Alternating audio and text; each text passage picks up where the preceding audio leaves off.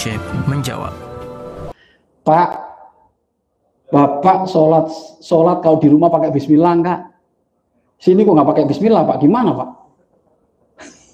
Sholatnya tetap sah, ya. Sholatnya tetap sah, ya.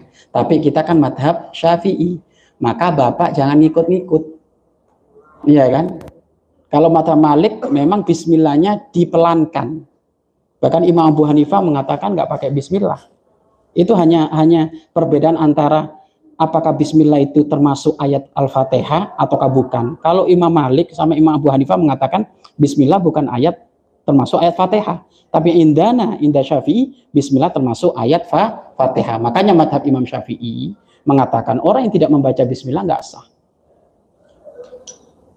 Orang yang membaca bismillah tidak membaca bismillah di dalam Fatihahnya tidak sah sholatnya.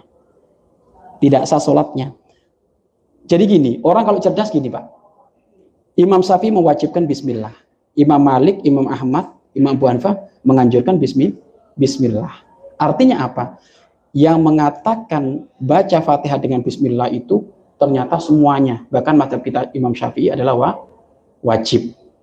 Karena menjadi syarat, syarat keasalnya Fatihah dan syarat keasalnya so, sholat. Lah kalau meninggalkan bismillah, ada ulama, ulama yang mengatakan sholatnya tidak sah? Ada madhab kita Imam Syafi'i. Maka utamanya tetap jenengan baca bismillah. Jadi walaupun imamnya nggak baca bismillah, Anda setelah walad dolin amin tetap Anda baca bismillah. Kemudian nanti pulang ke Kuningan, pulang ke Majalengka, jangan sampai bismillahnya ketinggalan di sini.